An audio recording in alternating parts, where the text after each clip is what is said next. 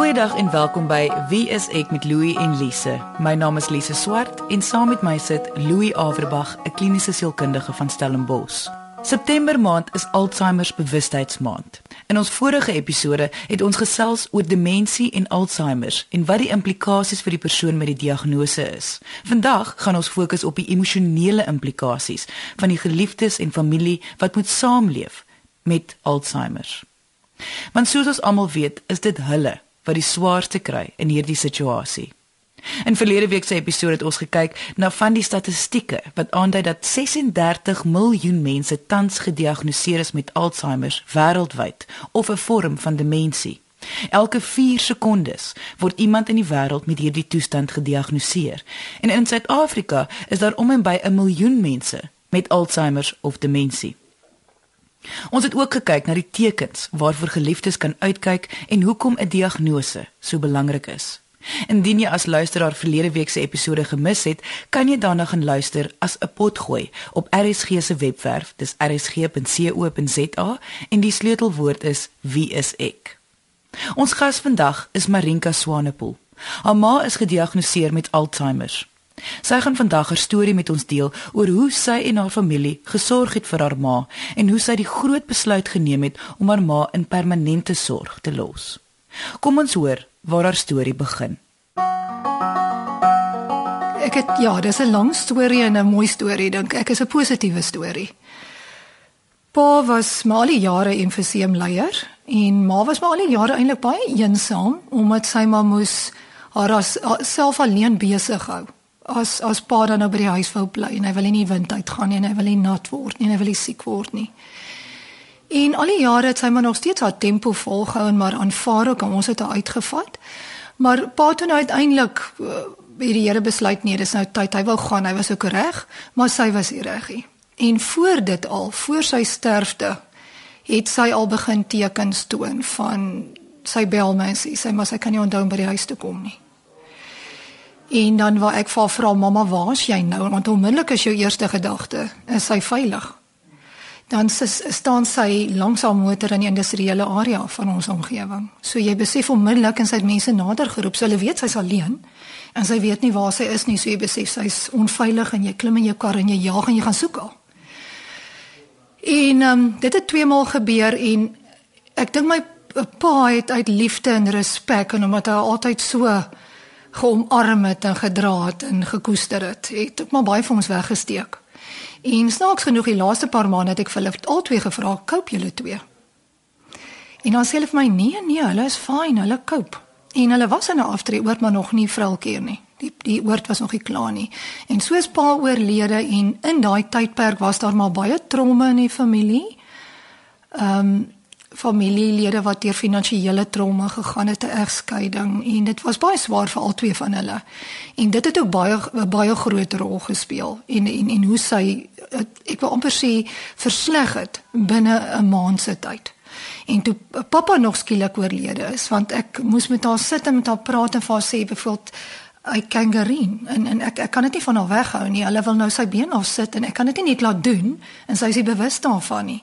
En voor dit kon gebeur, het het hy gegaan en dit was alles net vir haar te veel. Sy totaal en ek praat totaal uit geen mediese agtergrond nie, posttraumatiese reaksie gehad verskriklik toe. Ehm um, demensie, ehm um, vergeet uh, medikasie verkeerd gedrink en soveel soos wat ek probeer daar wees, dit is jy ook verskeer maar tussen daar wees vir jou eie gesin en daar wees vir haar en waar plaas ek haar en dan sy by my en dan is sy op haar eie plek. Dan kom ek watter tyd van die nag en die oggendure by my eie familie uit. So baie baie tromme en sy steur drie hartversakings na pappa se sterfte en ek het net begin praat met my uh, een sus en vir gesê ons moet 'n regte plan maak. Ehm um, ek koop nie, sy koop nie, ons ook verloor.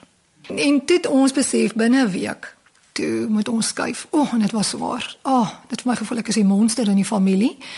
Maar ehm um, so het sy gekom en sy het begin leef, sy het begin aktief raak, sy het begin helderder raak. En ons gaan deur moeilike tye en slegte tye, maar wie wat is die lekker dat ek hier kan stop en weet sy's veilig en sy's in liefdevolle hande. Ek het vreeslik baie gaan oplees oor Alzheimer en wat ek opgelet het is hoe baie mense praat oor hoe jy nie die simptome moet ignoreer nie. Net soos wat Marinka nou vertel het haar pa duidelik gedoen het. Ek kan verstaan dat mense dit doen, veral in die beginstadium. Maar hoekom is dit nie 'n goeie idee nie? Wel, eerstens is dit nie 'n goeie idee vir die redes hoekom dit nie 'n goeie idee is om enige siekte te ignoreer nie. Omdat as dit dan erger word, is dit baie moeiliker of duurder of soms onmoontlik om dit aan te spreek, nê. Nee, dis maar net logies. Hmm. Tweedens is die ding met Alzheimer ook so dat dit is om in 'n bad water te sit wat geleidelik al hoe warmer word. Jy raak gewoond daaraan. En soos die tyd dan aangaan, gewoonlik raak mens dan nie bewus van die simptome raak nou al hoe erger nie. Jy raak net eenvoudig gewoond daaraan. En as dit te laat is, kan jy dit nie meer bestuur nie.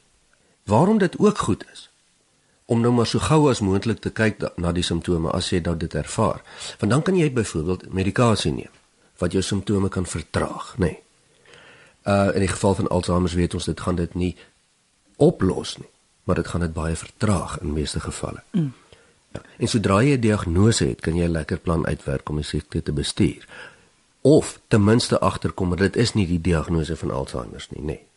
Ja, want baie keer eh, soos ons in verlede week se program gehoor het, daar is gevalle waar selfs 'n virus kan dieselfde simptome veroorsaak as Alzheimer. Daar's heelwat situasies wat die simptome kan veroorsaak. So jy wil seker maak. En mens moet ook besef dat hierdie ding wat jou geheue besig is om aan te tas, verswak jou lewenskwaliteit. En hoe minder jy in beheer is van dit, hoe meer gaan jy angstig raak, hoe meer gaan jy gemoedstoornisse ontwikkel soos depressie. Want dit is mos sleg om geleidelik minder te kan onthou. Die feit van die saak is dat as die diagnose daar is, gaan dit gebeur. En dis beter om 'n goeie lewenstandaard te handhaaf deur dit te bestuur as om ewe skielik in die sop te kom of daai water is so warm dat jy skielik begin brand. Jy luister na Wie is ek met Louie en Lise op RSG 100 tot 104 FM. Sy's close met almal van haar kinders. Elke maat mos 'n spesiale verhouding met elke kind. Maar ja, ons is baie close. Daar was 'n anderste verhouding. Verstaan jy? Ek was maar altyd die een sy kan baie kwaad raak vir my, hoor. Moenie ek is die eerste oor dit kry. Maar dis omdat sy altyd geweet het ek kan dit hanteer. So ek en sy kan maar lekker in mekaar spring, hoor. Maar daar's 'n daar's 'n ingesteldheid op mekaar, hoor. Baie baie close. So close toe ek op universiteit was baie baie jare terug dat ek die dag as ek af is aan bel sy my. As sy sê vir my kind mamma weet jy hoekom jy maar ek dink verskriklik aan jou. Jong nou huil ek dan oor daai foon. Ouma maar ek wil nou nou net vandag vir jou gebel het. So ons het net daai daai daai fyn ons is we tuned into each other so so let's see. Ons was nog altyd so. En ek dink dis hoekom ek ook maar altyd die een was wat maar meer ingespring het. Verstaan? Ja. Ehm um, dit het verander. Dit het ongelooflik verander, hoor. Ek wil vir jou sê, dit het verskriklik verander toe sy so geweldige laagtepunt bereik het. Um want jy voel half jy het haar verloor en jy voel jy's jy, jy het 'n ander ouer. Um die persoonlikheid het verander. Maar wie jy wat jy moet uh, ja, ek moet nie sê jy moet nie. Jy het, ek ek vat maar wat vir myself gewerk het. Jy moet by 'n punt kom waar jy besef maar dis 'n ander fase van haar lewe en daarom 'n ander fase van jou lewe. Jy moet hierdie verhouding moet jy nou anders hanteer. En ja, dis 'n ander fase. Nie maklik nie. Nie maklik nie want jy het hierdie jarelange herinneringe. Wat jy heeltyd na toe wil teruggaan en sê, "Maar Jesus, ek mis dit en ek mis dat." Maar wie jy wat ek wil vir jou sê, gaan krappietjie diep genoeg en maak moeite met daai persoon. Daai persoon is nog steeds daar. Dis net in 'n ander pakket. Hoekom is dit so verskriklik moeilik vir families en geliefdes om te sorg vir iemand met Alzheimer? Dit is baie moeilik want as die simptome ernstig begin raak, moet jy verstaan dat 'n persoon se verstand word so ingeperk dat in 'n groot mate jy dalk mos nou te doen het met iemand wat beplan of konsentreer of onthou soos 'n 4-jarige selfs of 'n 3-jarige selfs in uiterste omstandighede, nê. Nee. Mm, mm. So wat mens dan sien is jy sien hierdie persoon wat volwasse is en wat miskien intelligent is en wat jy jou hele lewe geken het. Simpel dinge doen of dom dinge doen. Onlogiese dinge doen of aggressief word dinge doen wat vir hom of haar glad nie veilig is nie. En as jy jou rug draai, dan gebeur dit weer. En dit is baie moeilik vir mense wat lank met iemand saamgeleef het om skielik in daai mode in te gaan van goed wag, hierdie persoon kan nie help nie. Hierdie persoon sukkel met 'n neurokognitiewe verstoring. En baie keer voel mens ag nee man, jy nie raak ongeduldig, jy weet, of jy het net nie die tyd of die energie nie. Dit is moeilik. Ek kan ook dink dat dat mense logika omdat jy nou so sê, dis iemand wat jy jou hele lewe lank ken. En dan om om daai verskriklike frustrasie van jy weet hierdie persoon kan hierdie goed doen en hulle kan dit nie meer doen nie. En daai frustrasie van wil hê hulle moet dit nog steeds kan doen want hulle maak jou lewe swaar en moeilik. Ja, en soms is dit nie so eenvoudig nie, nê, nee, want veral in 'n begin en 'n medium stadium, as iemand sukkel met Alzheimer, dan kry hulle nou ietsie reg en nou nou kry hulle dit nie reg nie. En soms voel mense, "Jesus, maar hierdie persoon is moeswillig." Jy weet, dit is baie keer menslik. Mm. Maar ja, dit is ontsettend moeilik en dit die konstante bekommernis, is hierdie persoon veilig of nie? Wat kan geliefdes verwag en hulle voel in hierdie situasie? Wat gaan hulle gevoelens wees? Ek dink 'n algemene gevoel is skuldgevoel. Van dat ek nie meer geduldig is nie of dat ek nie nog iets ekstra doen of dat ek nie beter verstaan nie, nê. Ook baie keer alleenheid. Jy word so half gedwing om te onttrek saam met die persoon wat met die Alzheimer sukkel want Alzheimer persone onttrek nou mos. Jou irritasie jy jy wou dalk nou net bietjie ontspan het en hier is nou 'n situasie jy weet. Jy kan nie ontspan nie jy's konstant bekommerd. En natuurlik die verlies want hier is 'n verlies mens verloor iemand dis 'n konstante herinnering aan die verlies van die persoon en baie keer veroorsaak die persoon of persone vir gesinne 'n sosiale skaamte. So al hierdie gevoelens kan mens dink, is baie moeilik vir mense om te dra en dis hoekom dit so swaar is. Ons gesels vandag oor die emosionele implikasies wat geliefdes en families moet deurgaan wanneer iemand gediagnoseer word met Alzheimer of 'n vorm van demensie. Want kom ons wees nou maar eerlik, dit is die mense naaste aan die persoon met die diagnose wat die meeste geaffekteer word. Ons gas vandag is Marinka Swanepoel. Haar ma is gediagnoseer met Alzheimer en 'n jaar en 3 maande gelede moes Marinka die groot besluit maak om haar ma in permanente versorging te plaas. Die emosionele implikasie is dat ek ek wil vir jou sê wie wat die kwaliteit begin verlore raak met wat jy saam met daai geliefde familielid van jou spandeer. Dit was vir my daai emosionele insig dat ek is uiteindelik by 'n punt waar ek dink maar wie ek het nie meer die geduld nie. Um en dit was my verskriklik want ek is altyd die ou met hierdie geduld en hierdie omarme bla bla bla. Maar wat gaan nou met jou aan Marinka? Hoekom cope jy nie in hierdie situasie nie? Hoekom kan jy dit nie hanteer nie? En ek dink as 'n ou by daai punt kom waar jy besef jy kan dit nie meer hanteer nie, moet jy vra hoekom nie. En en gaan die kwaliteit dan nie nou vir julle in 'n gesinsverband, familieverband verlore jou eie lewe, jou hele familie en dan die kwaliteit wat daai geliefde moeder of vader van jou kry nie meer die kwaliteit nie. So ja, jy jy jy moet jy moet absoluut objektief, jy moet iewers langs die pad kom waar jy besef is ons verhouding nog soos dit was? Doen ons die regte ding vir haar? Ver, vernietig ons nie eintlik op hierdie stadium die verhoudinge nie omdat ons te bang is om te gaan sit en te gaan sê, maar hierdie tel nie meer op nie. Ek kom nie meer by dieselfde antwoord uit nie. Daar is iets fout. Wat is fout? Kan ek nie uitreik in spesialis kennis gaan vra nie. Hulle werk elke dag hiermee. Hulle weet. Hulle weet. Hulle ken die tekens en toets die situasie. So ja, die emosionele kant, jy met jouself maar toets. En jy moet iewers by 'n punt kom waar jy uitklim. Klim uit die boks en begin dink net objektief. Marinka praat nou hier oor hoe jy erns tot 'n besef moet kom dat jou of jou familie se hulp en kennis nie meer die beste vir die persoon is nie. Nou ek kan net indink hoe moeilik so 'n besef moet wees. Dis ontsettend moeilik. Dis ongelooflik moeilik vir iemand om jou persoon vir wie jy lief is en wat jy die beste ken in vreemdelinge se hande te moet los of dit selfs te oorweeg. Hmm. Want dit is so dat jy ken mos jou familielid die beste. En dink jy ook die die, die ding van jy moet 'n keuse maak namens iemand anders se lewe? Dit is verskriklik. Want jy moet daai besluit maak. Jy kom agter hierdie persoon veral in 'n gevorderde stadium van Alzheimer kan nie self daai oordeel volg nie. Mm. En die persoon wil natuurlik nie verandering hê nie en sal ons nou nie instem om na versorgingsoor te gaan as dit nodig is nie. En dit beteken jy moet amper die die hartseer oorkom deur daadwerklike stappe en waarskynlik nog die ongelukkigheid daarvan ook te moet ervaar. So al die persoon moet jy so half dan forceer selfs al wil hulle nie en dit wil niemand tog doen nie. Ja. Omdat hierdie situasie so moeilik is, is dit tog voor die hand liggend dat jy na jouself moet kyk om te verseker jy kan die beste vir jou geliefde bied. Maar Alzheimer raak 'n voltydse werk tussen aanhalingstekens. Hoe kan jy saam met alles wat aangaan nog tyd kry om ook na jouself om te sien? Ja, dis hier waar dit baie moeilik raak, nê. Nee. Ek dink wat mense baie mee sukkel is die konsep dat geen mens is Superman of Superwoman nie. Mense sien dit baie. Ouers ten opsigte van hulle kinders, ten opsigte van hulle geliefdes of hulle ouers wat dalk nou met demensie sukkel. Hmm.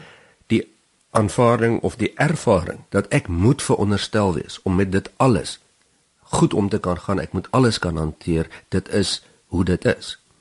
En baie keer veroorsaak dit dan eintlik 'n swakker effek vir die mense na wie mens graag wil omsien, nê. Nee. Die feit dat jy vir iemand omgee of lief is vir iemand en die beste vir hulle wil hê, beteken nie dat jy noodwendig die beste versorger vir hulle is nie. Want ons is net mens, daar is net X aantal ure in 'n dag. Daar's net soveel dinge wat jy kan doen om die onverwagte te keer. En jy kan nie 'n goeie versorger of 'n ondersteuner vir iemand wees as jy self swak is nie. Dis 'n baie moeilike lyn. Een wat ons almal weet, maar wat ons almal mee sukkel. Ehm um, emosionele kant selfontkenning. Jy erken nie altyd nie.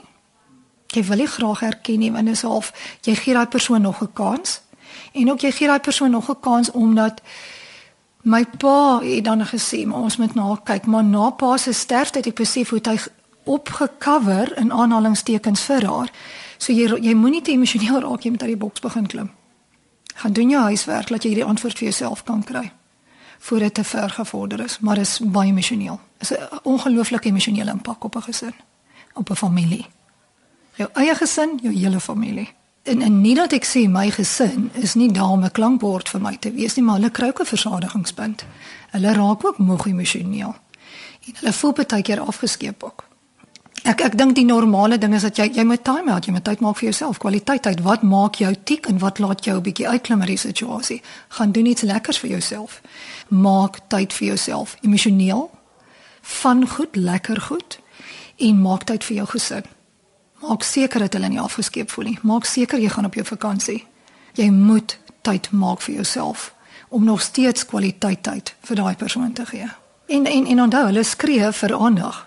Hulle hulle voel afgeskeep. Dis baie baie moeilik en jy voel baie keer maar waar trek ek hy streep?